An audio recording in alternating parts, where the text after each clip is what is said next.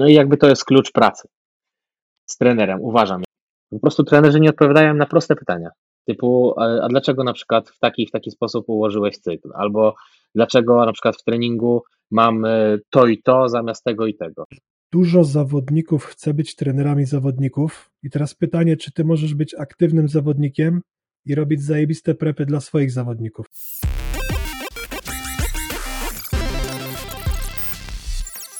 Siemaneczko, witamy w podcaście Wegnera. Dzisiaj moim gościem jest Tomasz Nobis, ale bardziej Wam znany jako Wolver Terrorysta. Witamy. Witam serdecznie. Witam serdecznie. Pierwsze pytanko, jakie do Ciebie mam, skąd wziął się Wolver? Wiesz co, yy, w mojej pierwszej pracy jako trener yy, pracowałem na siłowni w Krakowie yy, i tam wszyscy mówili, że jak zacząłem zapuszczać brodę i mój, moją bujną czuprynę, to przypominałem im Wolverina. Wtedy to były te czasy, kiedy wychodziła pierwsza część. No i zrobili mi kubek. Z racji, że no Wolverine to już była gdzieś tam zajęta nazwa, no to zaczęli to skracać. Wszyscy do mnie mówili Wolver, Wolver. Potem mhm. gdzieś tam była moda na Instagrama, więc założyłem konto, no i było już jakby gotowa nazwa niku, tak, Wolver. A terrorysta, no to wszyscy klienci moi mówili, że mimo, że jestem najmłodszy z całego składu trenerów, to najbardziej wszystkich terroryzuje i gdzieś tam mam najlepsze efekty, więc y, złożyłem to w całość i wyszedł Wolver terrorysta. W sumie dobre, nie? Powiem Ci, że na pewno e, dało mi to taką markę, gdzie mogłem budować nie siebie, nikt do mnie nie mówił Tomek.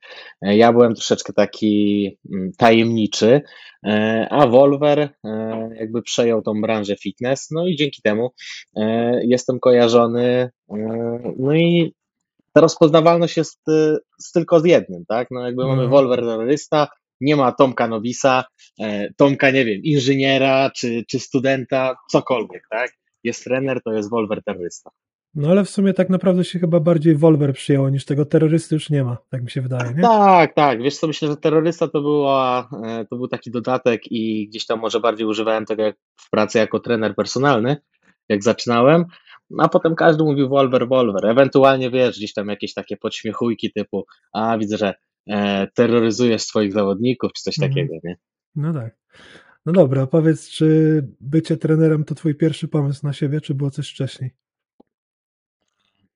Wiesz co, idąc na studia, totalnie nie wiedziałem, co będę robił w swoim życiu. Sport gdzieś tam faktycznie był e, zawsze na pierwszym miejscu, ale wiadomo, wszyscy dookoła ci mówią, musisz zdobyć wykształcenie, e, musisz gdzieś tam studia wyższe skończyć, wtedy na pewno będzie ci łatwiej i tak dalej. E, kierunek studiów, który wybrałem, mm, bardzo pomógł mi w tym dziadek świętej mhm. pamięci dziadek. E, gdzieś tam to on mnie namówił, żebym poszedł do Krakowa i tak dalej. Więc y, studia zupełnie niezwiązane ze sportem, e, bo kończyłem e, inżynierię produkcji na Giechu w Krakowie, także totalnie co innego, ale w międzyczasie, jak to student, potrzebowałem kasy, tak?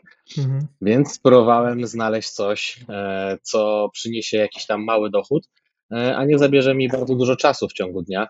E, no i tak gdzieś tam poniekąd chodząc na siłownię, jeden z trenerów mnie wyhaczył i zapytał się, czy nie chce skończyć kursu e, i czy nie chce przyjść do nich do pracy. Także praca przyszła do mnie, o, powiem tak. Zacząłem chodzić na siłownię koło mojego miejsca zamieszkania i jeden z trenerów zapytał, czy po prostu nie chce u nich pracować. No i tak zrobiłem kurs na trenera. Mhm. Więc jakby totalnie nie wiązałem z tym przyszłości. To była praca A który dorywcza. to był rok? To był rok, poczekaj, 2017 Warszawa, 2013 albo 14, nie pamiętam dokładnie.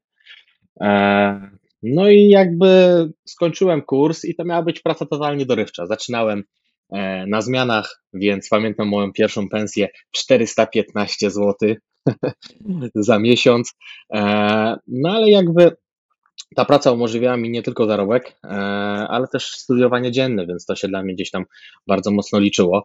E, no i z miesiąca na miesiąc, jak zobaczyłem, że jednak w tej pracy też się fajnie realizuje, zaczęli przychodzić klienci. No i tak po roku e, byłem trenerem, który miał tam, nie wiem, 150 około treningów miesięcznie. E, na siłowni, więc no jakby prowadziłem już głównie treningi personalne. Pamiętam swoje życie studenckie, a w zasadzie go nie pamiętam, bo kręciło się wokół pracy e, i naginania na zajęcia, więc tak naprawdę wstawałem często na szóstą, o szóstej już miałem trening personalny, z treningu szedłem tam ponad dwa kilometry e, na uczelnię, na ćwiczenia, wracałem, robiłem kolejny trening personalny, znowu wracałem na uczelnię. No tak potrafiłem 3-4 razy dziennie kursować między uczelnią a, a pracą. No ale suma summarum, no dzięki temu e, mogłem się utrzymać w Krakowie, odciążyć rodziców, bo po pierwszym roku już nie brałem od nich pieniążków. E, no i gdzieś tam dalej się rozwijać. I pomysł na trenera pojawił się głównie, wiesz co, chyba w drugim, na drugim roku, gdzie zobaczyłem, że zarabiam więcej niż po studiach inżynierskich jako inżynier. E, gdzieś tam w międzyczasie wypaliły pierwsze zawody, też mi się to spodobało. Chciałem się rozwijać właśnie bardziej w tym kierunku mocniej sportowym, już nie takim rekreacyjnym, mhm. tylko dla prowadzenia ludzi dla zabawy. E, no i co, no, studia tak naprawdę kończąc, już miałem bardzo dobrze rozwiniętą e, bazę klientów w Krakowie. Mogłem sobie tam siedzieć, miałem ciepłą posadę i, i jakby. Ale nie może już... być tak dobrze. No, jakby wiesz co, myślę, że każdy, może nie każdy, ale ja bardzo chciałem czegoś więcej. E, I doszedłem do wniosku, że po prostu się tam już nie rozwinę. Chciałem czegoś więcej, chciałem tego pędu, żeby coś mnie napędzało, żebym jeszcze mocniej się do tego wszystkiego przykładał. E, wziąłem wtedy rok bodajże przerwy na uczelni, żeby móc w spokoju napisać pracę i pogodzić to e, właśnie z pracą. Obroniłem inżyniera, i po pół roku wyprowadziłem się do Warszawy. Także pięć lat spędziłem w Krakowie, zbudowałem sobie bazę, tam wszystkiego się nauczyłem. Przeprowadziłem się do Warszawy, przedtem miałem taki niecny plan, mówię, ach kurczę, zrobię sezon życia, przyjadę do Warszawy i po prostu drzwi się otworzą i wiesz, każdy tylko będzie chciał treningi z Wolverem. No i suma summarum, poniekąd plan się spełnił, no bo e, wystartowałem e, tydzień po tygodniu w zawodach, które były tam w okolicach wakacji. Na jednych i na drugich wygrałem wszystko, zdobyłem overole, no ale przyjechałem do wakacji i byłem szarym Tomkiem Nobisem. Nikt mhm. Wolvera nie znał. Więc po prostu musiałem gdzieś tam swoją, e, swoją markę od nowa wyrobić. E, no i tak zaczęła się poniekąd moja przygoda z byciem trenerem, e, która stała się moim pomysłem na życie i, i jakby moim jedynym źródłem dochodu. Mhm. Chciałem się na chwilę zatrzymać przy, przy tym, jak mówisz, że twoi, że klienci zaczęli sami spływać, jak jeszcze byłeś w Krakowie. Chciałbym wejść bardziej w szczegóły, bo obecnie dużo trenerów ma problem z tym, żeby tych klientów na personalne zdobyć i zastanawiam się, czy ty miałeś ten problem, jakby, wiesz, że odczuwałeś to, czy po prostu z biegiem takiego zapierdzielu na studiach i robienia na tym etacie, oni się po prostu pojawili i tego nie czułeś. Jak to było u ciebie? Co mi się wydaje, że kluczem w ogóle do pozyskiwania klientów w moim przypadku e, było i jest to, że ja jestem bardzo otwartą osobą. Mm, raczej nie szukam z nikim z wady. E, jestem otwarty i dość empatyczny, szybko nawiązuję kontakty i dużo osób lgnie do mnie po prostu. Nie? E, często jak gdzieś tam słyszę, że są jakieś problemy, to też ja nie mam z tym problemu, żeby komuś bezinteresownie pomóc, doradzić. I jakby to wszystko wraca. I tak samo też było w Krakowie. Ja, wszędzie mnie było pełno na siłowni. Nawet jak gdzieś tam rozgrywały się sprawy związane właśnie z pracą, no to chętnie się udzielałem, starałem się pomóc. No i dzięki temu też to wszystko do mnie wracało, bo siłownia dała mi e, takie konsultacje poniedziałkowe, które były teoretycznie bezpłatne dla ludzi. Ja tam powiedzmy, że jakieś grosze za to zarabiałem. Siedziałem sobie trzy godziny i rozpisywałem ludziom treningi wstępne, jakieś takie na siłownię, konsultacje żywieniowe. No i to był na przykład strzał w dziesiątkę jak dla mnie, bo dzięki temu, że dawałem trzy godziny tygodniowo od siebie za darmo, lgnęli do mnie klienci za darmo. Znaczy, lgnęli do mnie klienci, którzy byli chętni na przykład na treningi personalne, bo tam mhm. mogli ze mną przeprowadzić wstępną rozmowę i tak dalej. E, I tak naprawdę powiem Ci, że klient rodził klienta. To chyba było kluczem, tak? Mm, robiłem pewien progres z daną osobą, to z tego progresu pojawiały się, pojawiało się dwóch, trzech nowych klientów i tak to wszystko się napędzało. E, nie robiłem nic specjalnego, po prostu starałem się udzielać w klubie, e, być otwartym do ludzi, pomagać też za darmo, bo jakby jak pracowałem na zmianach, no to nie było na zasadzie, że pół zmiany przesiedziałem na zapleczu, tylko faktycznie te 8 godzin na sali znało się wszystkich klientów, którzy chodzili na siłownię, rozmawiało. Jak pojawiała się nowa osoba, to od razu e, gdzieś tam człowiek podchodził, pytał się, czy w czymś pomóc, oprowadzić po siłowni, cokolwiek, żeby ci ludzie czuli się tacy zaopiekowani. Może to też charakter siłowni, bo pracowałem na małej, prywatnej siłowni, to nie była sieciowa, Tak więc też nie mordownia. mieliśmy. Może nie aż tak, ale, ale, ale faktycznie fajna, taka przyjazna, prywatna siłownia. E, Nie mieliśmy jakichś takich odgórnych, chorych zasad, jak są w sieciówkach, nie? Że nie możemy z klientem rozmawiać, bo nie wiem, bo musimy go namówić na pakiet, coś takiego. Mhm. Tam raczej była taka rodzinna atmosfera i myślę, że to było kluczem. A z czasem po prostu, wiesz co, e, nigdy się nie zastanawiałem wtedy, e, jak pozyskać tych klientów, bo faktycznie ilość obowiązków była dość duża. I czasem ta chęć pozyskania klienta rodziła pytanie, czy zdołam sobie poradzić na uczelni i ogarnąć wszystkie obowiązki, czy lepiej wziąć tego klienta i zarobić więcej pieniążków, nie? Więc to Mhm. wszystko tak jakby samo się wszystko rozwijało. A ci powiem, że e, w sumie ta twoja dobroć tak naprawdę mnie przyciągnęła e, do ciebie, bo na moich pierwszych zawodach przecież e, stałeś praktycznie przy mnie cały czas i pomagałeś i Oli i mi. Także zresztą z, z kim ja bym nie gadał o tobie, to każdy się wypowiada tobie, o tobie w superlatywach właśnie, że ty zajebiście bezinteresownie cały czas pomagasz, więc chyba to cały czas zostało z tobą do dzisiaj, prawda? No, myślę, że tak. Wiesz co, jakby mm, nie wiem, z czego to wynika. Czy z jakichś tam przeżyć moich za dzieciaka? Myślę, że na pewno, ale to może to nie jest temat na, na podcast, żeby się dzielić aż takimi prywatnymi sprawami, ale mm, wychodzę z założenia, że jeżeli coś dajesz, to to ciebie wraca. Mm, I w dużym stopniu w naszej pracy jest to niestety podstawa, bo jeżeli ktoś jest nastawiony tylko na hajs, e, tylko na, no, nawet jeżeli jest nastawiony tylko na rozwój, ale po trupach, to prędzej czy później mu się to skończy. Nie? Ludzie po prostu też to widzą. E, I faktycznie są osoby, które potrzebują mieć bata nad sobą i na przykład w trenerze nie mieć mm, przyjaciela, takiej osoby, której mogą coś wszystko powiedzieć, tylko chcą suche wytyczne i robię, ale niestety większość osób potrzebuje tej interakcji.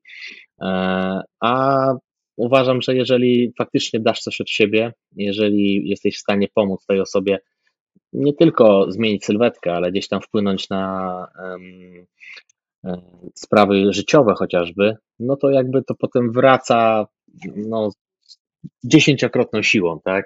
My się Mhm. śmiejemy, ja jadę do Irlandii, e, tak jak co roku na święta i tak, jeden podopieczny przyjeżdża po mnie na lotnisko, zawozi mnie do, e, do rodziny.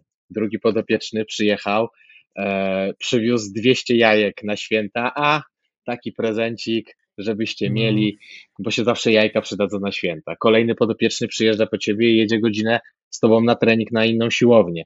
Tam poznajemy kolejne osoby. No i jakby to wszystko pokazuje, że jeżeli ty jesteś dobry dla ludzi i ty im coś dasz, to oni ci to oddadzą i naprawdę ten szacunek mocno gdzieś tam się potem utrzymuje. Mhm. A miałeś kiedyś odwrotne sytuacje, że to, że jesteś zbyt dobry się jakoś odbiło negatywnie i żałowałeś? Wiesz co? Zdarza się coś takiego, ale to bardziej e, pod tym kątem, że ludzie to potem wykorzystują na zasadzie, e, jest powiedzmy ta bariera. Bycie dobrym, bycie trenerem i jakby utrzymywanie profesjonalnych relacji. E, Czasem ta bariera się zaciera, za bardzo się robi koleżeńsko, no i jakby już jest zbyt duża ingerencja w moją pracę. Na zasadzie mm, zbyt dużo sugestii, a ja bym zrobił inaczej, a może byśmy zrobili tak, a może tak. Mhm. No i jakby czasem już to się przeradza w to, że zamiast realizować plan, który mam w głowie, ja też czasem e, kierowałem się za mocno emocjami, ale jakby oduczyłem się tego. No jakby jest, możemy się umówić na kawę, herbatę, burgera, piwo, to jest jedna część, a jeżeli mamy do zrobienia robotę związaną z zawodami, no to jakby to już jest zupełnie inna bajka, także wtedy jakby przełączam sobie troszeczkę tryby Mhm. i już nie ma tego kierowania się emocjami. Wtedy jakby liczy się, na, liczy się cel i, i jakby to, co musimy zrealizować. Robota musi być wykonana. Potem, zawsze mówię, potem możemy balować, napić się jakby wychillować, a jeżeli chodzi o o, o te sprawy zawodowe, to jakby tu musimy utrzymać pełen profesjonalizm. Także Mhm. jeszcze wcześniej miałem z tym problem, bo zdarzały się takie sytuacje, ale od jakiegoś czasu też mocno sobie to przewartościowałem i nie ma mowy już na takie wpadki. Mhm.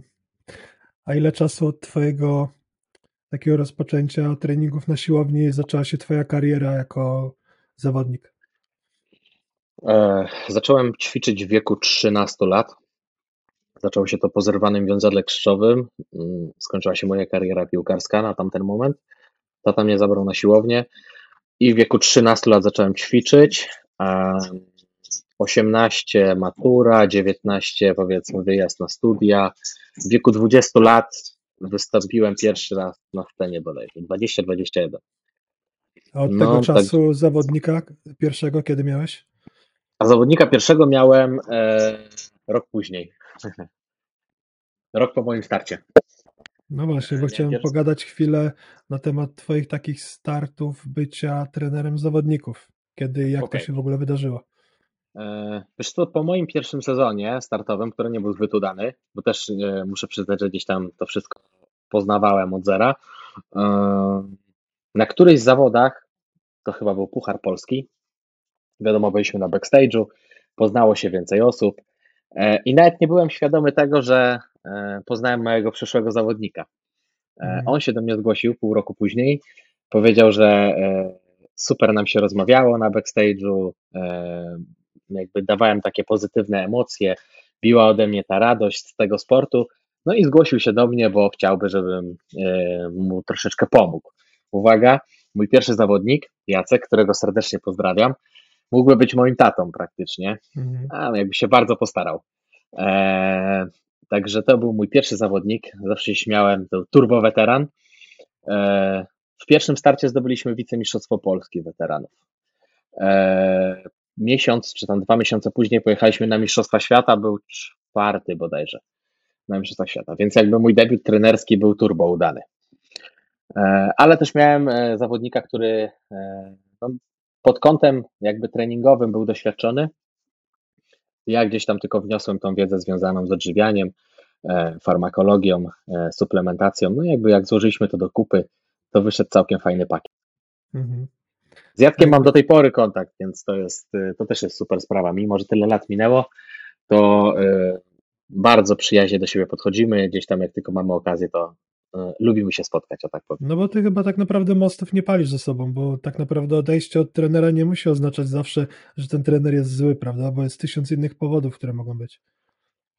Wiesz co, powiem Ci tak, ja um, wyznaję taką zasadę, że jeżeli ktoś czuje, że jakby ja wyciągnąłem z niego 100% potencjału i potrzebuje czegoś nowego, e, ale faktycznie ja też się z tym zgadzam, to jakby okej, no jakby nawet pomogę mu znaleźć tego trenera. Nie ma z tym problemu. E, Jeżeli ktoś wymyśla i wiadomo, co dwa miesiące szuka nowego trenera, no to gdzieś tam taka współpraca średnio też jest zapamiętana. E, Więc no jakby ciężko, ciężko to w jakikolwiek sposób sklasyfikować, nie? Ale jakby nie palę mostów. Dla mnie kontakt i jakby rozwój też e, jest na tyle ważny, że rozumiem w 100% osoby, które gdzieś tam szukają nowej drogi. Tylko jeżeli jest to uzasadnione, no to jeżeli się z tym zgadzam, to zbijam, tak jak mówię, piątkę i jakby 100% trzymam kciuki i kibicuję. Jeżeli to jest wymyślanie, no to, to jakby czegoś takiego nie popieram, ale też jakby nie mogę mieć na to, nie mogę też żywić jakichś negatywnych emocji, bo to jest życie każdego, tak? Jakby to są nasze wybory. E, Fajnie, żeby te osoby faktycznie dobrze wybierały i żeby się rozwijały gdzieś tam w tą stronę, którą chcą Mhm. i żeby te cele były zdobywane. Jeżeli sobie tak przypomnę z mojej perspektywy, znaczy z mojej kariery trenerskiej, to takich odejść, kurde, nie przypominam sobie zbyt dużo. Nawet nie wiem, czy jakieś były. Więc to jest, to jest ciekawe. Musiałbym się mocniej zastanowić. Wiesz, teraz tak jakby nie przychodzi mi nikt do głowy, e, ale jak tak jak mówisz, no, kontakt mam ze wszystkimi. Super. Więc, e, więc jak się spotykamy na backstage, to często zawodnicy, z którymi gdzieś tam chwilę współpracowałem, potem nie współpracowałem, nigdy nie ma jakichś negatywnych emocji. Mhm. E, A jakbyś miał ocenić takie realia, w których znajdujemy się obecnie na rynku w tym roku, czy tam w poprzednim, jak jest sobie jakiś trener, który jakieś tam ma w miarę fajne doświadczenia, już może nie jest nowy, ale nowi też, jakby chcieli w ogóle zacząć być trenerami zawodników, to od czego mieliby zacząć według Ciebie na ten moment? No bo według mnie taką ścieżką to jest yy, chociaż wystartowanie samodzielnie, ale wiemy, że są trenerzy, którzy nie startują obecnie, a jednak tych zawodników mają i nawet przędą dobrze, nie? Wiesz co, na pewno start uczy takiego doświadczenia i pokazuje na samym sobie, jak pewne mechanizmy działają. I ciężko jest komuś powiedzieć, że nie musisz startować, wystarczy, że się uczysz, wystarczy, że jakby masz coraz większą wiedzę, przepraszam, obserwujesz te rynki zagraniczne, no i jakby dzięki temu będziesz miał full klientów. Myślę, że problemem większości osób, którzy chcą prowadzić zawodników, jest to, że e, nie analizują, wiesz, nie wyciągają wniosków.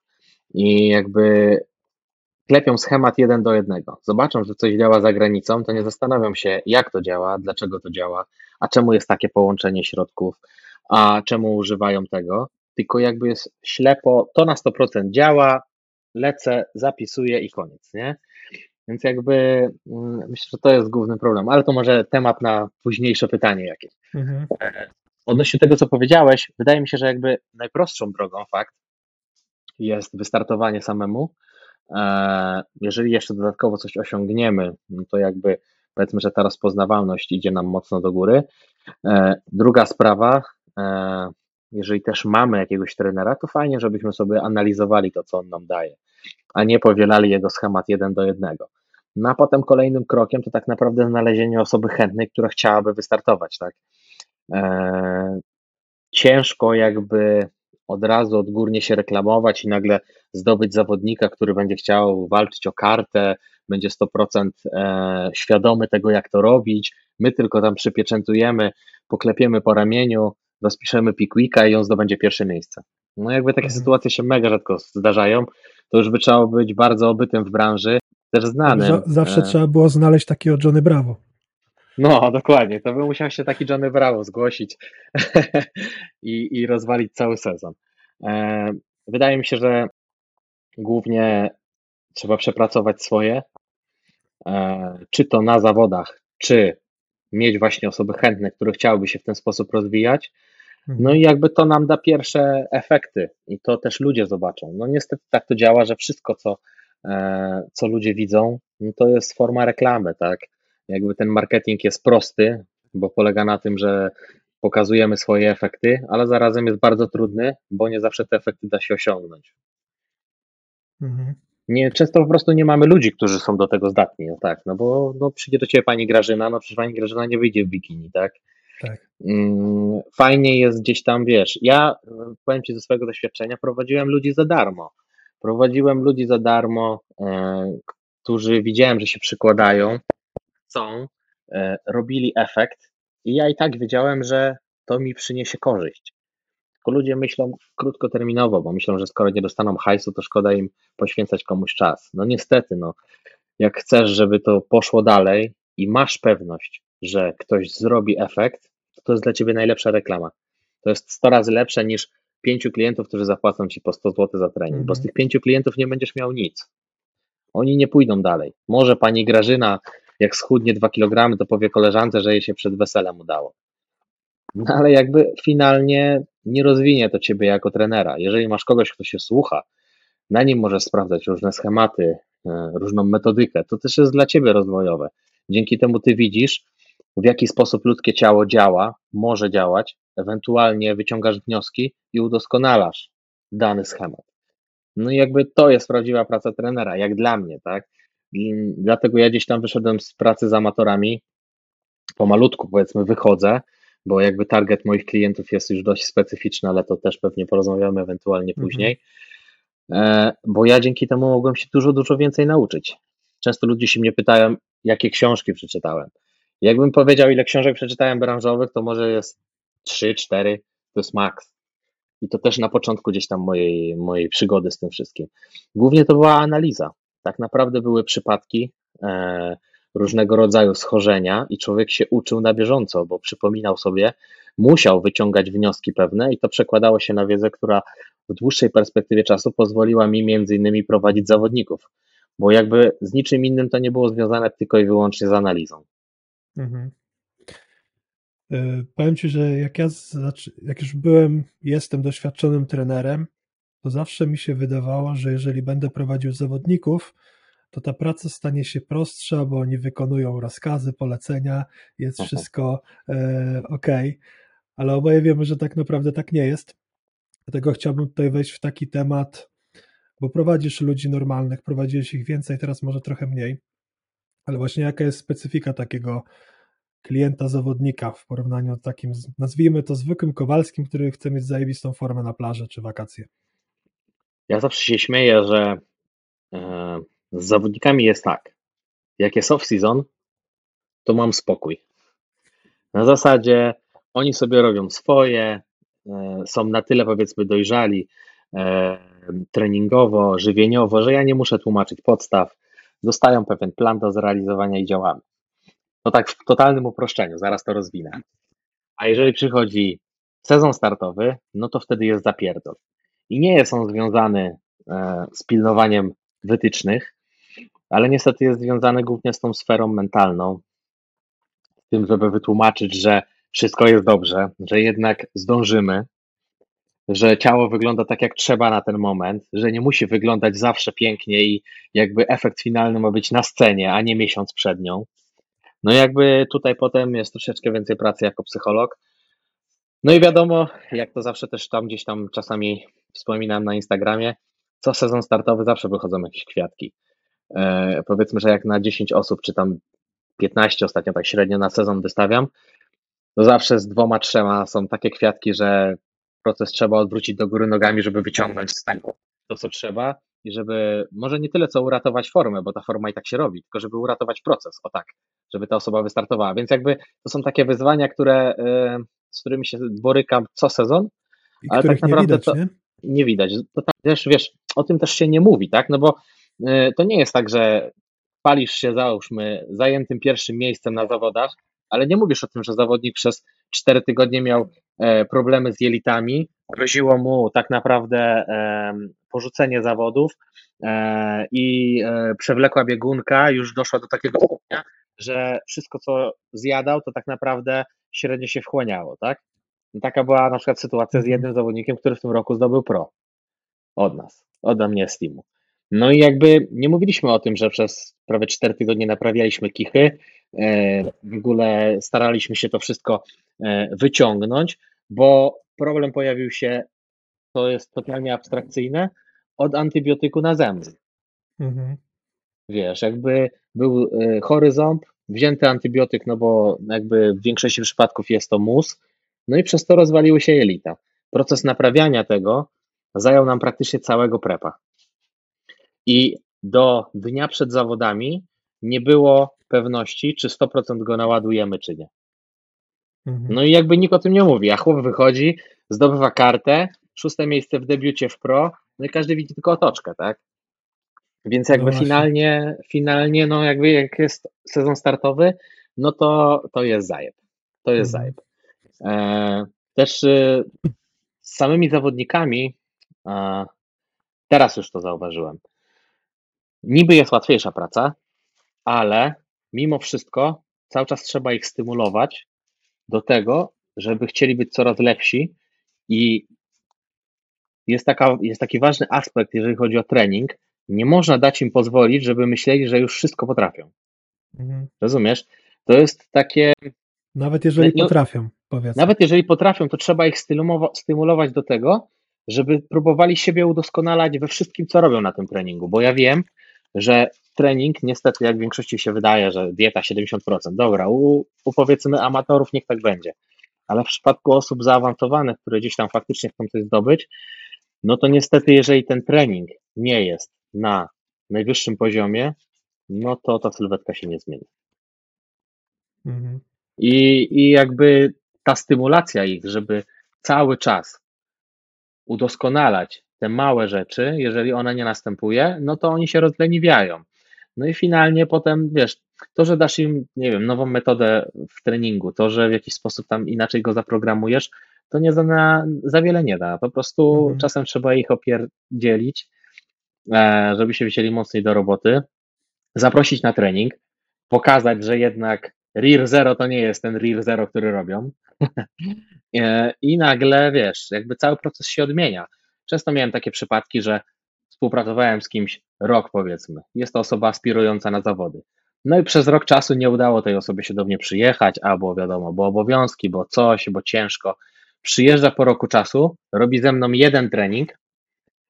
Po jednym treningu często ludzie wychodzą ode mnie, mm, nie wiem jak to nazwać, tak ładnie, tacy lekko zamuleni, tacy zmazani, przygnębieni, bo ja no niestety wytykam wszystko, co jest źle, tak? To jest źle, tam to jest źle, to trzeba poprawić, tu jesteś spięty, tu idziesz do fizjo, tu robisz to, no i jakby dostają chmurę rzeczy do zrobienia, które no nie grają. Ale po tym jednym treningu często jest tak, że progres potem przez najbliższe 2-3 miesiące jest większy niż poprzedni rok. No i jakby to jest klucz pracy Mhm. z trenerem, uważam. To jest klucz pracy z zawodnikiem, żeby znaleźć te jego słabe strony. E, I teraz już się nauczyłem, że każdą współpracę zaczynam od tego, że większość osób ma przyjechać, nieważne czy to po dwóch tygodniach, czy po miesiącu. I najpierw zajmujemy się wszystkimi ograniczeniami i upośledzeniami aparatu ruchu, a dopiero potem zaczynamy progresować. No właśnie, bo teraz jest takie przeświadczenie, że kulturysta jest takim twardzielem, właśnie wykonuje te rozkazy. Ja miałem kiedyś taki obraz e, kulturystów i zawodników, ale tak naprawdę jest dużo tam takich mega problemów, których oni w ogóle sami przed sobą nie potrafią wywlec, żeby się do nich przyznać i odnalezienie w ogóle tego problemu w środku czasami jest kluczem, żeby w ogóle to poszło dalej, nie? No wiesz, to są, e, czasem takie związkowe rzeczy są kluczowe dla No. procesu. E, jeżeli też związkowo jest źle w domu w trakcie prepa, no to raczej sezon nie wypali. To tak na 90%. E, W większości przypadków kończy się to tak, że największe jazdy są tuż przed samymi zawodami, no bo jakby zawodnik już nie ma siły, średnio chce mu się angażować we wszystko, co jest w domu, a jeżeli do tej pory było słabo, no to jeżeli opada z sił, to będzie jeszcze gorzej, tak? No i jakby kobieca e, cierpliwość też ma swoje granice. No i zaczyna się, zaczyna się wywlekanie pewnych problemów, a no niestety zawodnik na prepie średnio ma głowę do tego, żeby teraz naprawiać związek. tak? E, I no kurczę, sam przechodziłeś prepa, przechodziłeś redukcję, nie wiem, potem nawet robiliśmy e, inne okresy, czy to budowania, no i jakby sam wiesz, że problemy związkowe, problemy, no bo to jakby to nie można nazwać niczym wielkim, ale te małe rzeczy w No. związku powodowały, że jeżeli one nie były dograne w domu, to się w 100% nie możesz skupić na procesie, nie? No.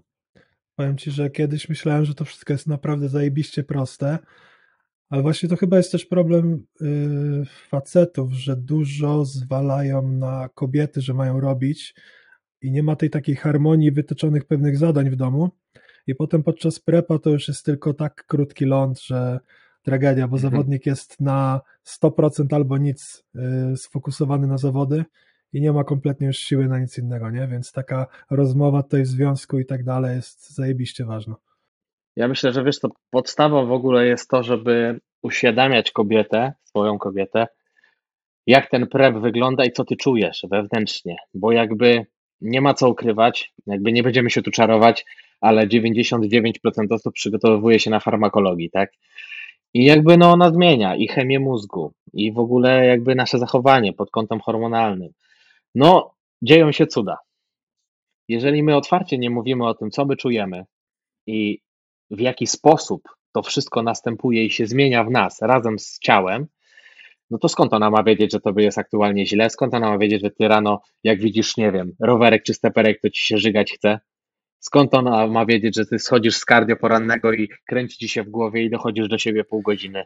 No właśnie, Ona tego nie nas to wie. jest logiczne, że wstajemy rano i wsiadamy na ten rower, ale tam jest tysiąc myśli, zanim wsiądziemy na niego, już od, od otwarcia oczu, nie?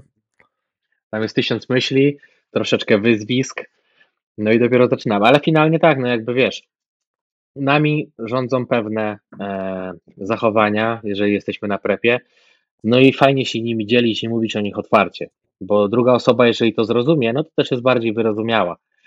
Jeżeli jej o tym nie powiesz, no tak jak powiedziałem wcześniej, no ona nie wie i nie ma, nie musi wiedzieć, no jakby to nie domyśli się. To tak jak facet się nie domyśla normalnie na co dzień, tak kobieta nie domyśli się, jeżeli chodzi o to, jak facet się czuje na prepie, tak? Mhm. Więc finalnie, jeżeli nie ma rozmowy, to zawsze to jest destrukcyjne w każdą stronę. Mhm. E, Chciałem z Tobą pogadać jeszcze odnośnie powodów, dla których zawodnicy odchodzą od innych trenerów. Bo bardzo dobrze oboje wiemy, że dużo osób prowadziłeś lub prowadzisz, które gdzieś tam były aktywnymi zawodnikami już wcześniej, niekoniecznie u Ciebie. I zastanawiam się właśnie, jakie mogą potencjalne błędy trenerzy popełniać, które właśnie powodują, że ten zawodnik y, od nich odchodzi, bo nie chodzi mi nawet o takie oczywiste rzeczy, jak nie wiem, słaby plan, słaba dieta, słaby kontakt, ale czasami są takie głębsze rzeczy, o których nikt po prostu wprost trenerowi nie powie, bo nie wiem, nie wypada, nie chce palić mostów i tak dalej. Jakie są takie rzeczy? Wydaje mi się, że pierwsze co to jest, e, to jest w ogóle brak uwagi takiej i znajomości danej osoby.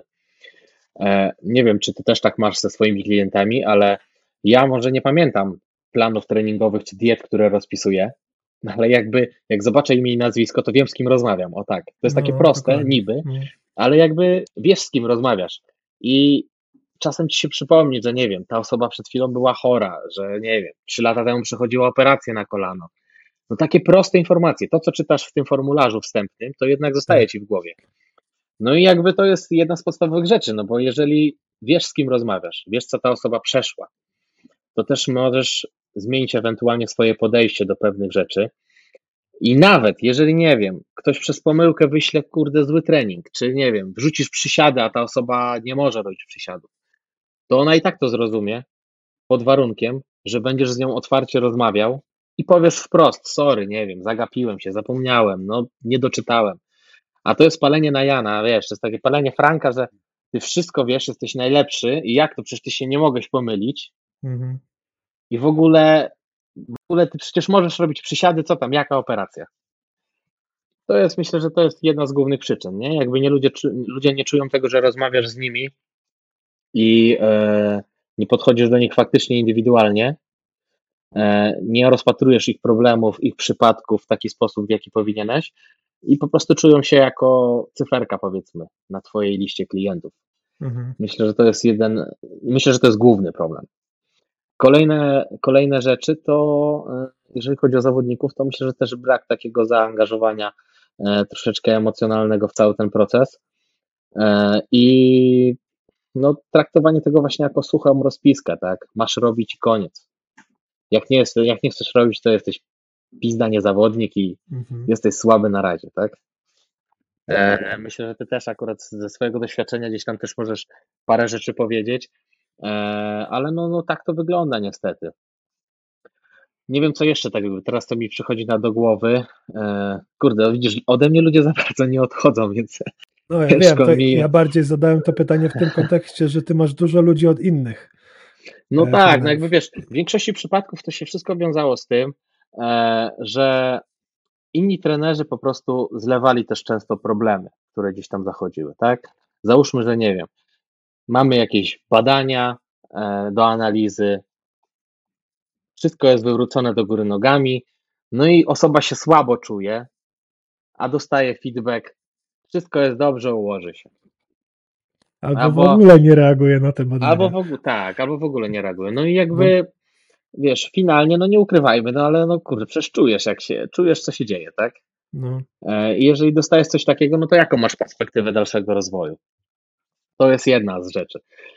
Kolejna, e, no myślę, że w dużym stopniu, e, tak jak powiedziałeś, już pomijając plany treningowe i jakby dietę, która niekoniecznie gdzieś tam jest ustalona pod kogoś, to często mm, brak rozmowy z trenerem, e, a w zasadzie brak wytłumaczenia niektórych rzeczy, e, wynikając z tego, że nie wiem, czy trenerowi się nie chce, czy po prostu uważa się, że jest alfą i omegą i jest tak, jak ja mówię i, i koniec, nie? I jakby inne zdanie się nie liczy. Z tym też się często spotkałem, że po prostu trenerzy nie odpowiadają na proste pytania.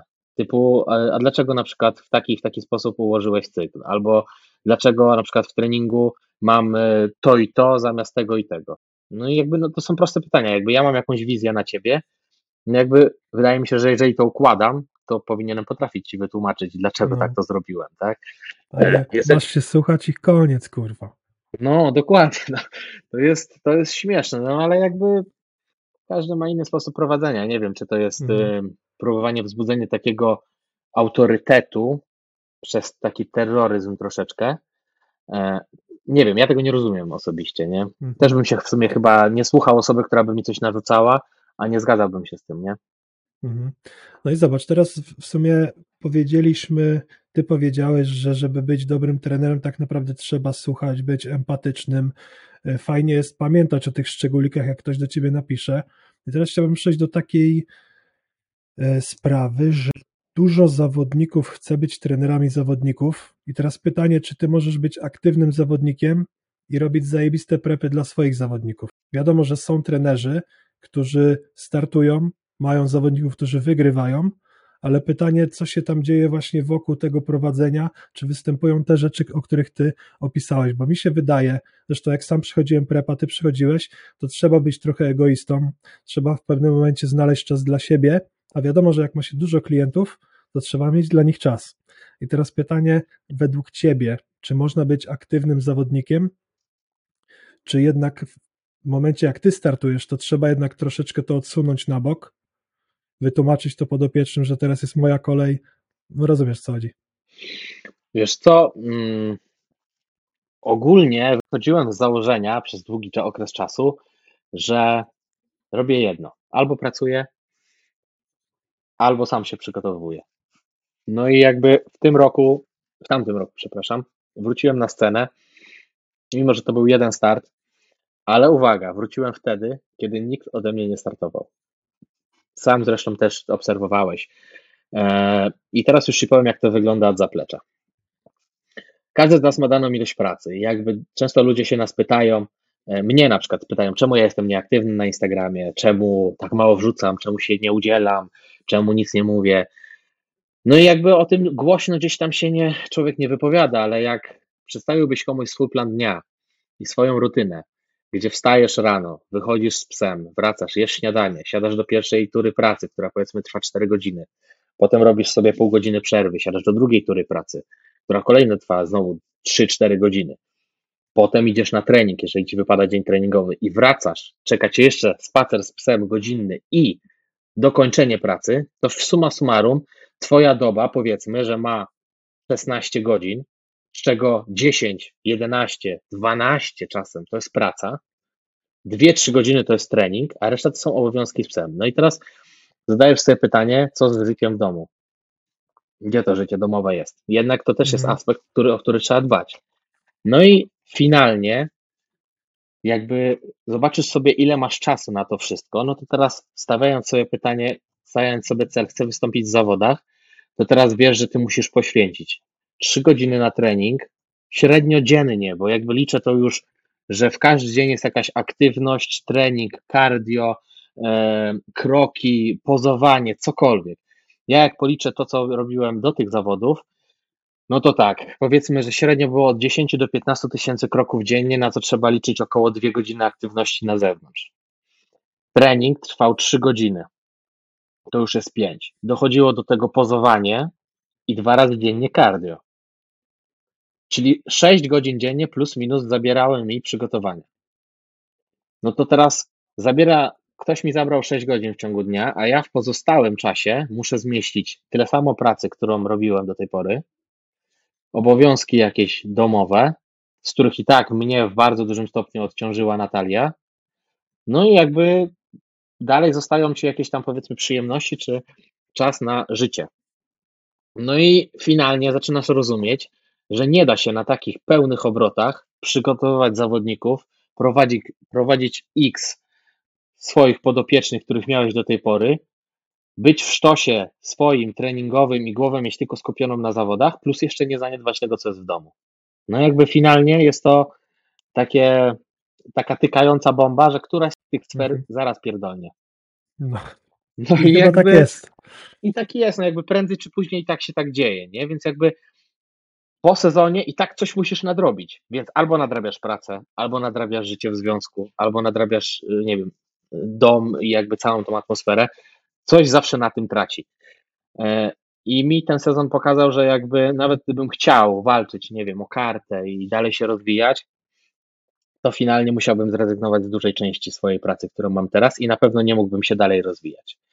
Więc e, angażując się tak, jak na tą chwilę angażuję się w starty moich podopiecznych, w ich zmiany, w ich no, procesy, nie mógłbym startować i być czynnym zawodnikiem cały czas. Dlatego e, ja też poniekąd już zacząłem to traktować jako zabawę. Gdzieś tam sobie powiedziałem, że jak e, urodzi się mały Wolwer, e, to próbuję zdobyć tą kartę dla samego siebie, dla własnej satysfakcji, gdzieś tam później, ale ciężko mi myśleć teraz 100% o moim rozwoju jako zawodnik, mając tylu zawodników pod sobą. Jest to dla mnie nierealne i jakby widzę, że dzięki temu, że poświęcam się pracy bardziej, przynosi to ogromny efekt, bo z roku na rok idziemy coraz wyżej. Jakby nie mogę powiedzieć, bo ostatnie trzy lata są przełomowe. No i tutaj jakby rozwój teamu jest ogromny. Eee, mimo, że mimo, że gdzieś tam może jakby nie reklamujemy się, marketingowo nie jesteśmy turbo rozpoznawalni w całej Polsce, tak wydaje mi się, że jak przyjeżdżamy na zawody, to wszyscy wiedzą, kto przyjechał, nie? I raczej wszyscy wiedzą, po co przyjechaliśmy, więc jakby to się dla mnie liczy. I e, to, że jestem szanowany za to, co mam w głowie, to w jaki sposób przygotowuję zawodników i to, jaki moi zawodnicy prezentują poziom, a nie to, jakim jestem zawodnikiem sam w sobie. Bo jakby to, że wystartowałem w tych zawodach w tym roku, to było totalnie dla zabawy. To wiesz, to było też dobre wyzwanie dla mojej głowy, żeby przypomnieć sobie proces, ale mhm. też pokazanie moim zawodnikom, że nie można marudzić jak pipa, tylko jak jest ciężko, to jest ciężko. No jakby moje przygotowania były, uważam, cięższe niż wszystkich moich zawodników.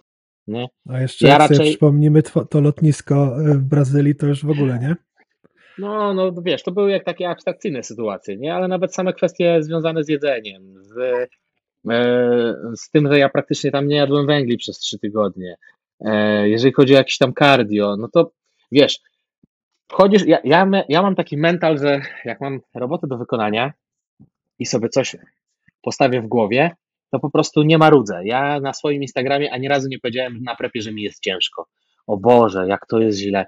Do mojego trenera dwa razy napisałem w takim skrajnym stanie, że już faktycznie nie miałem siły wstać z łóżka, że jest źle i że po prostu musimy zrobić jakiś deload. E, no i jakby faktycznie wtedy go zrobiliśmy. To były całe dwa razy przez całego prepa. E, a tak to no, wstawałem, zakładałem słuchawki, jebałem 60 minut schodów, no i jakby nie płakałem nikomu w rękaw, że mi jest ciężko, wiesz o co chodzi. Mhm. Jakby też chciałem pokazać moim zawodnikom, że e, no, musi być ciężko. Chcesz wejść na ekstremalny poziom docięcia, na ekstremalny poziom formy, której nikt nie ma, no to niestety trzeba się troszeczkę postarać. E, no i jakby wydaje mi się, że to się też poniekąd troszeczkę, że to się udało, nie? Jakby dopiąłem swego, e, bo e, ich mental też był dużo lepszy w tym sezonie, nie? Mhm. Twój trener jest z zagranicy Kalum mhm. i zastanawiam się, jak postrzegasz zagranicznych trenerów, albo może jego w kontekście traktowania ciebie, porównując y, tego, jak byłeś traktowany może przez innych trenerów, albo słyszałeś ogólnie, jak trenerzy traktują y, zawodników. Różni się to czymś? Jest lepiej, gorzej? Wiesz, to jest zupełnie inaczej. E, I nie wiem, czy to wynika z tego, że ja nie mam potrzeby już, e, żeby ktoś się mną opiekował, e, ale jeżeli chodzi o angielską szkołę, to po prostu dostawałem wytyczne i tyle. Nikt się mnie nie mhm. zapytał, czy się dobrze czuję, czy źle, czy daję radę, czy nie daję rady. Po prostu wysyłałem raport, raportowałem, jak się czuję. E, znaczy, nawet nie, ja tego nie pisałem. Po prostu wysyłałem wagę, wysyłałem zdjęcia, pisałem, że wszystko jest ok. Tak jak mówię, dwa razy napisałem, że było turbo źle. Mhm. E, przedstawiałem progres treningowy, no i jakby dostawałem wytyczne i jedziesz dalej, tak?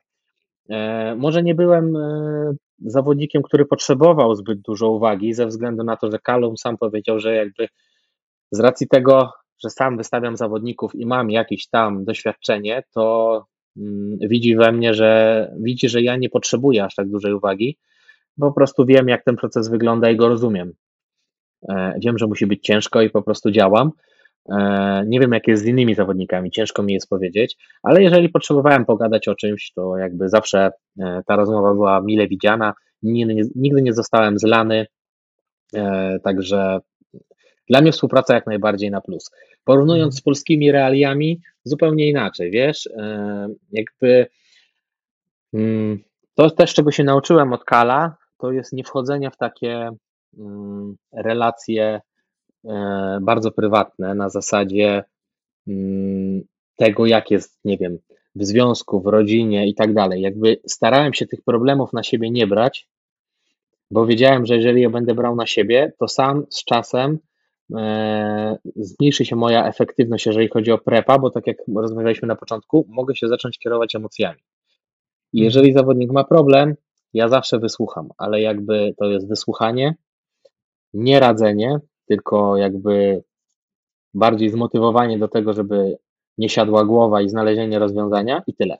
Nie angażowanie się emocjonalne w problemy. E, I tego się nauczyłem i to mi też dużo dało w tym sezonie, bo też ten sezon poszedł tak bardzo sprawnie, e, a nawet jeżeli jakieś problemy były, to szybko znajdowaliśmy rozwiązanie. Mhm. Dobra, to chciałbym troszkę te tematy połączyć i pomagać, e, pogadać o zajechaniu układu nerwowego, kontekście radzenia sobie e, z życiem. Bo generalnie moja historia jest taka, że jak trenowałem 5-6 razy w tygodniu, gdzieś tam codziennie cardio, kroki, to wszystko, co opowiadałeś, to wystarczyło mi siły, żeby robić bieżącą robotę, ale ciężko było mi zbudować e, coś nowego, bo po prostu, wiesz, wracałem z treningu i ledwo patrzyłem na oczy, mogłem tylko ewentualnie siąść przed monitorem i się godzinę zastanawiać, czy kliknąć, czy nie. I teraz się zastanawiam, czy ty masz takie rozterki?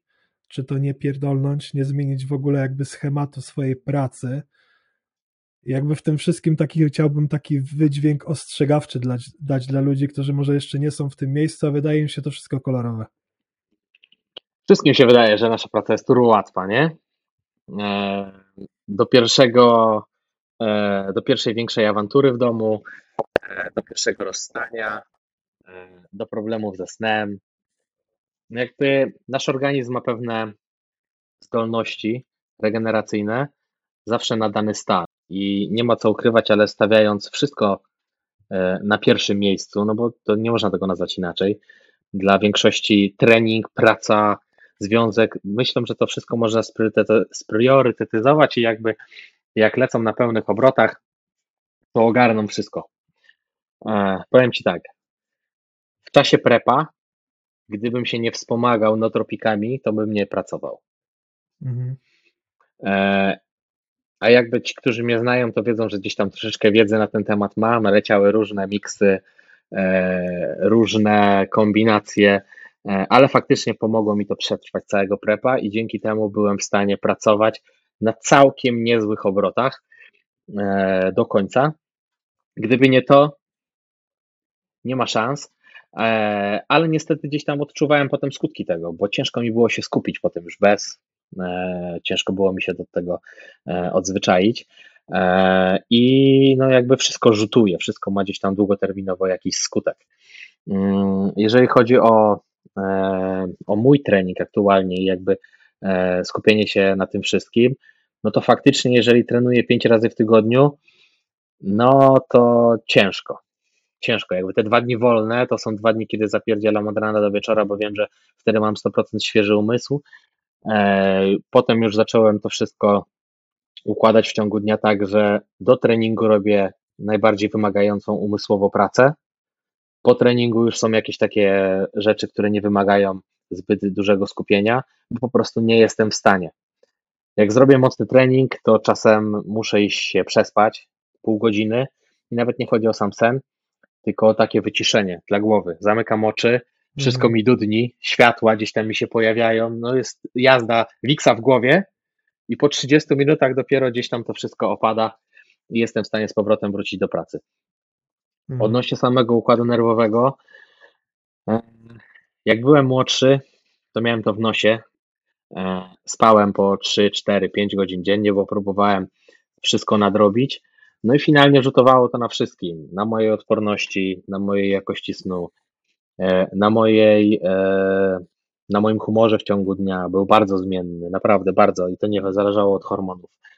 E, byłem dużo bardziej nerwowy, cera była gorsza.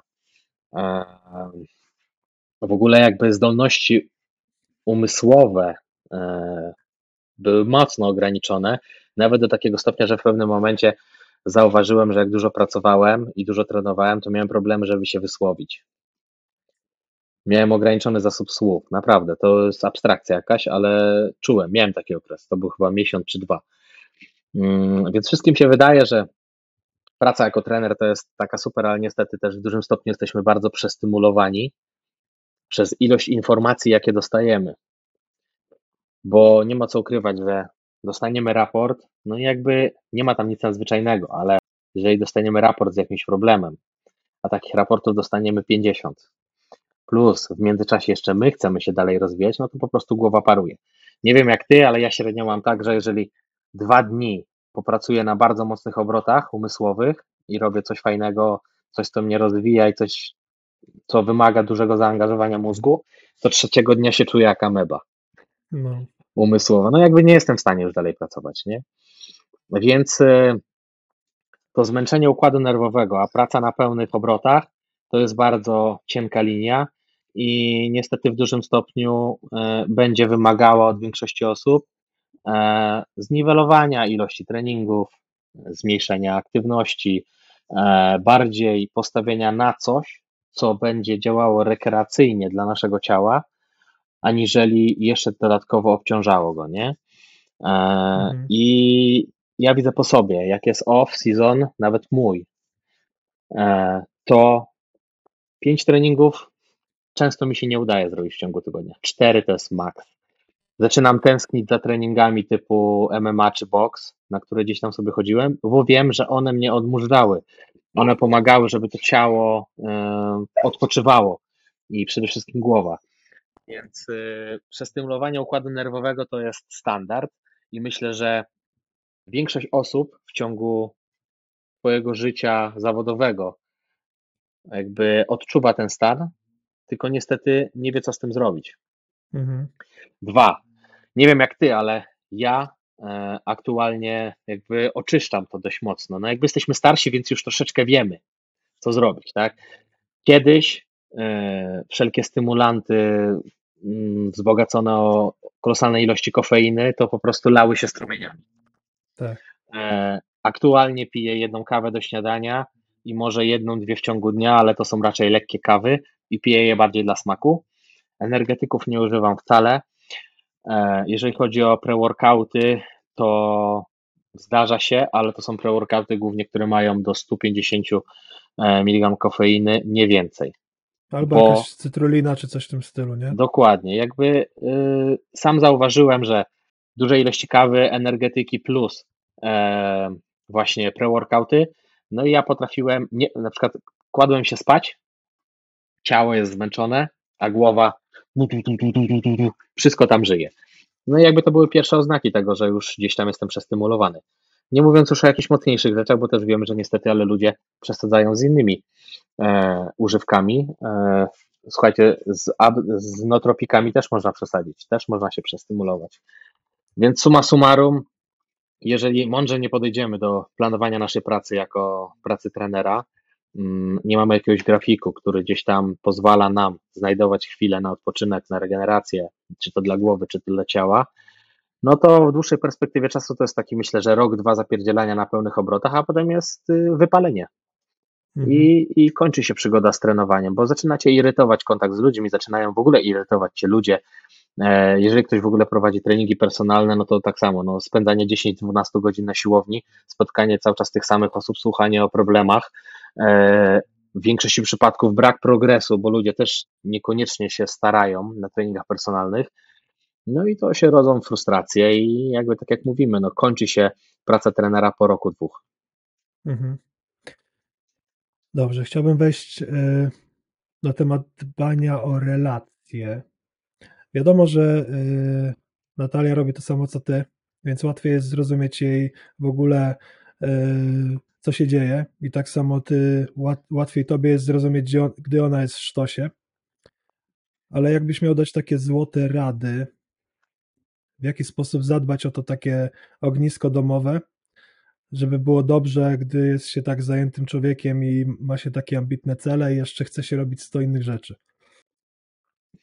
Ja myślę, że nie jestem tutaj ekspertem w tej sprawie, bo sam parę razy nawaliłem, e, jeżeli chodzi o to, ale myślę, że kluczem jest y, rozmowa i mm, znaczy nie myślę, tylko wiem o tym, że kluczem jest rozmowa i przede wszystkim planowanie grafiku tygodniowego pod nas, czyli pod, pod parę. Mm, jeżeli to jakby to my jesteśmy priorytetem i znajdujemy w ciągu tego ciężkiego tygodnia pracującego czas dla siebie, no to jakby dbamy o to, tak? No bo mamy czas dla siebie, tam nie rozmawiamy o biznesie, o tym, czy zarobić 5 czy 6 milionów w tym roku, e, tylko po prostu rozmawiamy o jakichś tam swoich odczuciach i o tym, co, e, co, co, co gdzieś tam siedzi w nas w środku. E, I myślę, że to jest klucz. I fajnie znajdować czas na takie rytuały, które zbliżają daną parę. No dla każdego coś co innego, tak? U nas na przykład telewizor jest wyłączony podczas śniadania. I nawet jeżeli jemy i się nie odzywamy, to jest poniekąd jakiś tam czas dla, dla nas. E, spacer z psem też jest bez telefonu. Jakby to, była, to było zadanie dla mnie, żebym nie brał ze sobą telefonu, żebym z niego nie korzystał w trakcie spaceru z Lambo. No i powiedzmy, że rano mamy godzinę taką też dla siebie.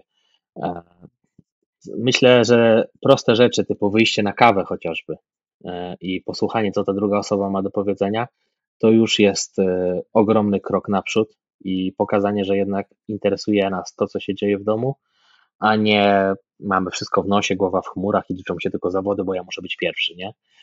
Mm, myślę, że u każdego to będzie co innego, ale tak e, reasumując, to chodzi głównie o zainteresowanie tą drugą osobą i pokazanie, że jednak ona jest dla nas ważna, podziękowanie za to, że nam pomaga, e, spędzenie z nią czasu e, i to jest klucz.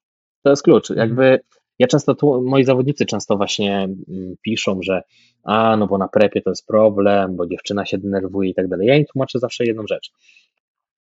Jeżeli na prepie, nie inaczej, jeżeli twoja kobieta każdy prep będzie utożsamiała z tym, że ty będziesz nieżywy, masz wszystko w dupie, w ogóle się do niej nie odzywasz, nie interesujesz się nią e, i jakby najlepiej wyprowadziłbyś się z domu albo tylko tam nocował, a resztę czasu spędzał na siłowni, no to nie dziw się, że po prostu nie lubi tego stanu, nie będzie ci kibicować, nie będzie cię wspierać, nie będzie ci gotować, nie będzie się cieszyć z twoich medali, bo cały proces, zanim do tego dojdzie, jest dla niej destrukcyjny.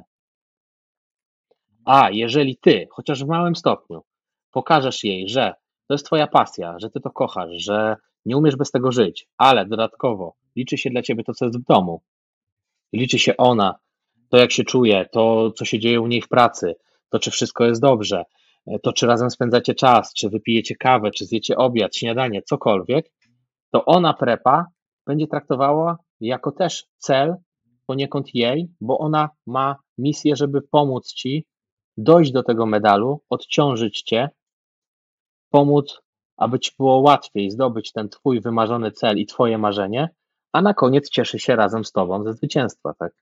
Mhm. Jakby to jest klucz. Niby no. proste, co? No niby proste, ale wiesz, yy, dla mnie osobiście rozmowa mega trudno, trudno przychodzi, bo jeszcze nie zostałem wychowany w ten sposób, że się rozmawia o problemach czy o swoich uczuciach i jak yy, gdzieś tam mam swoich podopiecznych, to ogólnie dużo facetów chyba ma z tym problem, nie? Tego trzeba się mega nauczyć. Wiesz co, ogólnie wydaje mi się, że rozmowa o emocjach i o uczuciach jest ciężka, mi było to ciężko zrozumieć, jak mogę usiąść i powiedzieć, no, no, dzisiaj na przykład w moim sercu jest radość. No wiesz, o co chodzi.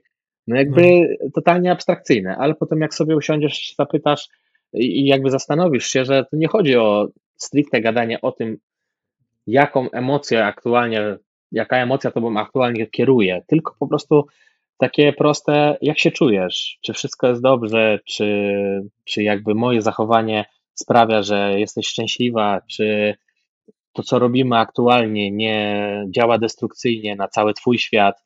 Takie totalnie proste rzeczy i proste pytania, i nagle to, co usłyszysz od swojej kobiety, potrafi cię tak mocno e, energetycznie naładować, że jakby sam prep nawet staje się dużo bardziej przyjemny. Mhm. No i Polecam. oczyszcza atmosferę między wami, nie? Zdecydowanie, tak. Zdecydowanie. Bo jakby wiesz, oglądanie Netflixa wieczorem i nie odzywanie się do siebie to nie jest spędzanie czasu razem. No. No mi długo, dużo czasu zajęło zrozumienie, że to, że razem mieszkamy, nie znaczy, że się spotykamy ze sobą, nie? Wiesz, ja zamknięty w swoim biurze w pracy, y, wracam wieczorem do łóżka i wiesz, no to jest ciężki liść, jak się zrozumie, że to tak nie wygląda, nie? No, że, że wiesz, pracujesz z domu i niby jesteś ze sobą 2-4 na 7, a to nie jest spędzanie czasu. No. No, to jest prawda. No jednak y, Wiesz, siedzisz w biurze i wieczorem myślisz, że wiesz co u niej, a nie, nie wiesz tak naprawdę co u niej, a ona nie wie co u ciebie. no, no tak, no to niestety tak jest. A jak zapytasz, czy wszystko jest ok, to ci powie, że jest dobrze, tak? No, no A wcale nie jest. No właśnie, dobra. E, Chciałbym przejść do tematu hmm, takiej presji, która obecnie jest w social mediach, bo zajebiście rozwinęła się nauka u nas w branży fitness, jest dużo takich popularyzatorów e, treningu, mówią jakie ćwiczenia są zajebiste, nie wiem, na rozrost pleców, barków i tak dalej, więc ja pamiętam, że kiedyś tego nie było, że na przykład, nie wiem, ściągało się drążek do klatki i ktoś ci powiedział, że to jest beznadziejne ćwiczenie na najszerszy, ściągaj linki albo jakiekolwiek inne rzeczy.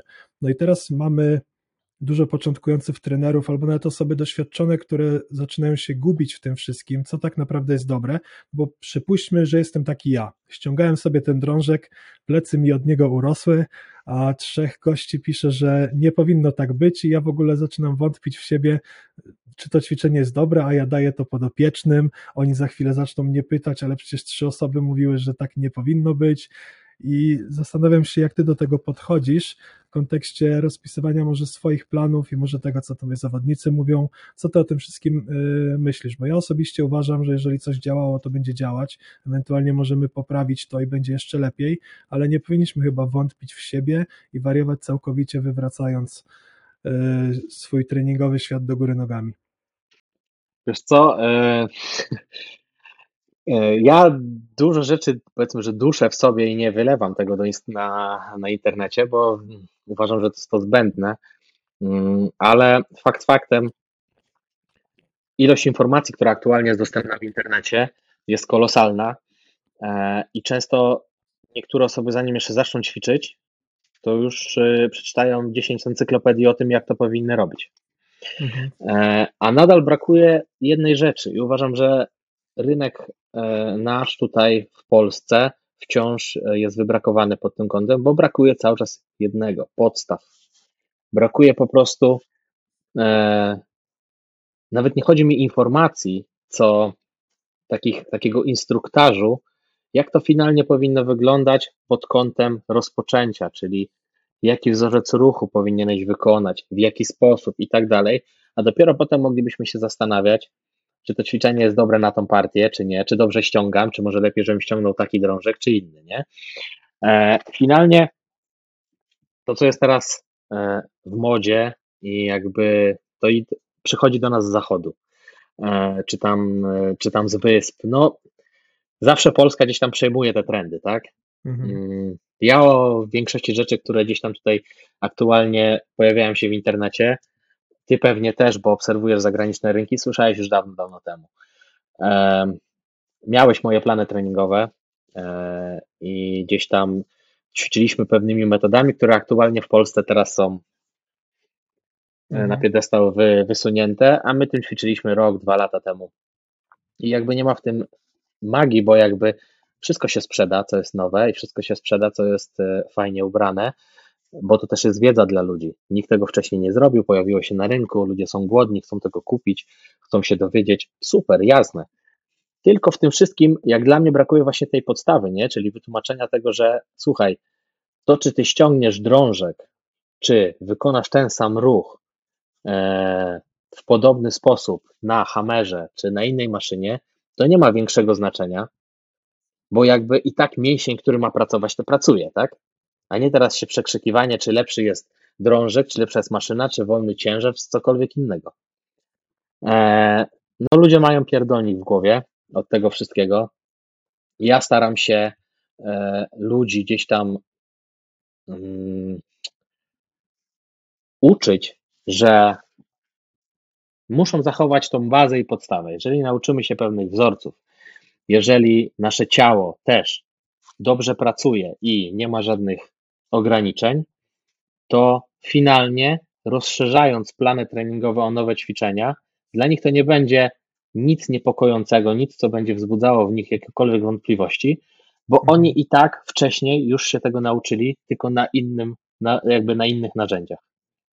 Więc jakby e, ja bardzo mocno stawiam na podstawy u osób początkujących, czy tam nawet średnio zaawansowanych, z którymi zaczynam współpracę i dzięki temu jakby to wszystko, co się pojawia, jest dla nich jakimś tam e, elementem rozwoju. Często się mnie pytają, co sądzę o takim szkoleniu, co sądzę o tych materiałach czy o tamtych. E, I mówię, że spoko, że jakby fajnie, żeby się rozwijali, żeby się kształcili, ale żeby nie zapominali o podstawach. I przede wszystkim jedna ważna sprawa. Nie patrzymy na dane szkolenie mhm. klapkami na oczy, tylko jakby podchodzimy holistycznie do całego procesu. Jesteśmy otwarci na różne techniki, bo możemy wysłuchać jednego i drugiego i z każdego szkolenia wyciągniemy coś dla siebie. Zakładam, ja bym wziął Ciebie na trening, Ty byś wziął mnie na trening i wymyślilibyśmy kilka różnych ustawień dla każdego z nas, przepraszam, bo byśmy zauważyli, że ruch, który wykonujemy, nie do końca angażuje mięsień, który byśmy chcieli. Mhm.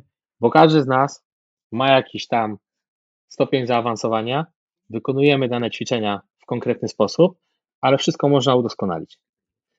Tylko mhm. naszą podstawą jest to, że mamy bazę. Mamy bazę, której uczyliśmy się przez x lat, a teraz każdą modyfikację, którą wprowadzimy, może tylko się przyczynić do tego, że coś będzie się lepiej rozwijało. Takie jest gdzieś tam moje zdanie. Jeżeli chodzi o osób początkujących, ja y, średnio w ogóle bym się nad tym zastanawiał y, i za dużo rozkminiania to też jest domena w ogóle osób w tym, w tym, y, w tym świecie aktualnym, bo ludzie po prostu zamiast zająć się robotą i zrobić mocny trening, dobrze zjeść, to się zastanawiają, czy lepiej jest połączyć owsiankę z jogurtem, czy lepiej będzie smakowało, czy lepiej będzie działała owsianka z napojem sojowym, a może nie z sojowym, tylko z migdałowym, wiesz o co chodzi, no to są takie bzdety. Jakby ludzie nie skupiają się na podstawach, mocny trening, dobra micha, jakby suplementacja ograniczona do tego, co jest faktycznie nam potrzebne, tylko szukają magicznego rozwiązania. I to samo jest z treningiem, bo czy ruch będzie prowadzony pod takim kątem, czy pod takim. Co z tego, jak ja patrzę na tę osobę, czy ona zrobi pod takim kątem, czy pod takim kątem, to i tak nie, na przykład nie mhm. pracuje plecami, tylko ciągnie bicepsem. Tak. No nie? To jest jakby podstawa. Jeżeli, jeżeli umiesz wykonać ruch, umiesz zaangażować mięsień do pracy, no to wtedy możesz się zastanawiać nad szczegółami, czy lepiej będzie faktycznie w takim chwycie, czy w takim. Jeżeli coś na ciebie działa, twoje plecy się rozwijają, no to jakby nie rezygnuj z tego. Mhm. Wydaje mi się, że to jakby ciężko jest mocniej podsumować. Ja raczej jestem minimalistą pod tym kątem i jakby mam jakiś swój sposób rozwoju zawodników, swój sposób rozwoju swoich podopiecznych i sposób programowania planów, ale od wszystkich wymagam tego, żeby nauczyli się podstaw. Nie? Jeżeli widzę, że coś kuleje i jakaś partia jest słaba, no to nie jest tak, że całe życie ci nie wychodzi, tylko no jowo robisz albo masz ograniczenia, które ci nie pozwalają przepracować tego mięśnia. No to jest prosta sprawa, tak? Mhm. A nie szukanie, że teraz ja będę robił pod takim kątem, jak widzę czasem jakieś wiosłowania spod jajka, z za głowy, no cuda na kiju, tak? Mhm. Bo takie ćwiczenie jest dobre, a ktoś nie umie podstawowego przyciągania drążka zrobić, tak? Dokładnie. No i jakby chyba tutaj więcej już powiedzieć nie mogę. Dobrze. To e, powiedz, jakie masz plany zawodowe na przyszłość swoje? Gdzie siebie widzisz za parę lat? Wiesz co, chciałbym, e, jeżeli się uda w tym roku, to już e, zrobić coś poza branżą. Jakby mamy w planach projekt, który będzie zupełnie zajmował się czymś innym. E, to taka alternatywa i jakby sam wiesz, że do 50 czy do 60 trenerem nie będziesz, tak? Mhm. E, Czy niewykluczone może i, i może i będę, ale, ale jakby w innym wymiarze. No nie wyobrażam sobie e, ciupać przez najbliższe 10 czy 15 lat tyle godzin dziennie przy komputerze i cały czas pracować z podopiecznymi. E, Gdzieś tam finalnie chciałbym przyszłościowo zostawić sobie zawodników i pod tym kątem się rozwijać, e, a jakby resztę, żeby e, dopełniały troszeczkę inne rzeczy. Więc na pewno w tym roku będziemy działali już z projektem poza branżą. Dodatkowo branżowo będą wychodziły jakieś takie małe, jakby to nazwać, produkty pod marką Volver. Mhm. I jakby to będzie gdzieś tam, e, pod tym hasłem będzie ten rok. Chociaż ten projekt poza branżą mm, może potrwać trochę dłużej niż rok, e, może być dużo większy, ale, ale finalnie jakby ten rok będzie mocno pracowity na pewno. E, y, Czy widzę siebie dalej na scenie? Ciężko mi powiedzieć, wiesz. Scena tak naprawdę to będzie element dodatkowy i tak jak mówię, to będzie bardziej połechtanie mojego ego niż e, jakiś tam cel mocno sportowy, który ma mi przynieść dodatkowe korzyści, bo ja nie widzę w zawodach mojej jedynej drogi, mojej jedynej reklamy marketingowej i zdobycia teraz sponsora, który będzie ze Stanów przesyłał mi x tysięcy dolarów. Mhm. E, Tylko dla mnie zawody to jest element gdzieś tam e, taki osobisty i spełnienia się. E, Marketingowo troszeczkę inaczej do tego podchodzę. Marketingowo po prostu moi zawodnicy robią robotę. I, I jakby to jest dla mnie najlepszy marketing i to jest dla mnie najlepsza reklama.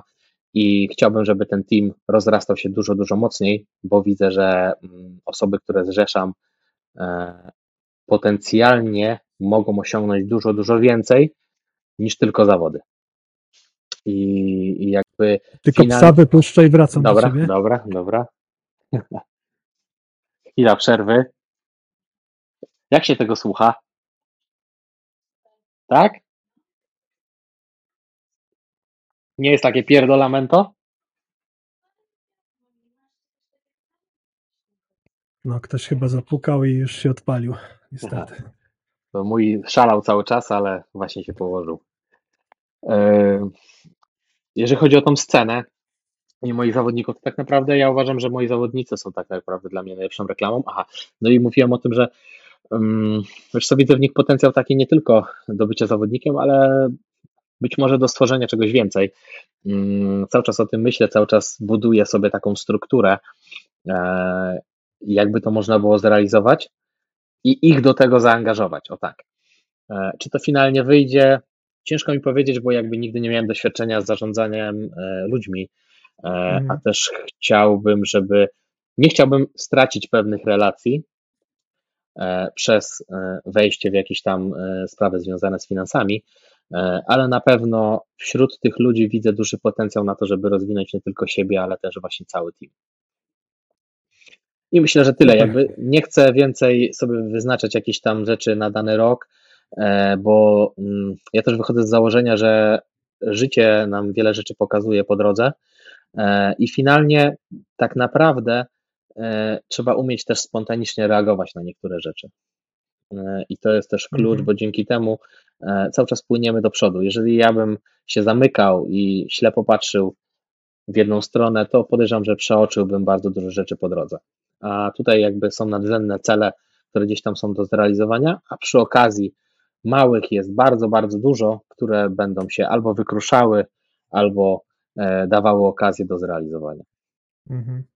No, zdarzy nam się dużo gadać na e, priv o takich rozkminiających zawodowych Mhm. rzeczach, więc trzymam kciuki, żeby e, Ci się to udało i chciałbym bardzo podziękować, że w końcu e, udało nam się spotkać, bo uwaga, Wolver w ogóle był pierwszym gościem, którego zaprosiłem do podcastu, ale niestety teraz akurat już jest w chyba 20 odcinku dopiero, ale bardzo fajnie, że w końcu nam się udało e, spotkać i myślę, że rozmowa wyszła naprawdę, naprawdę fajnie.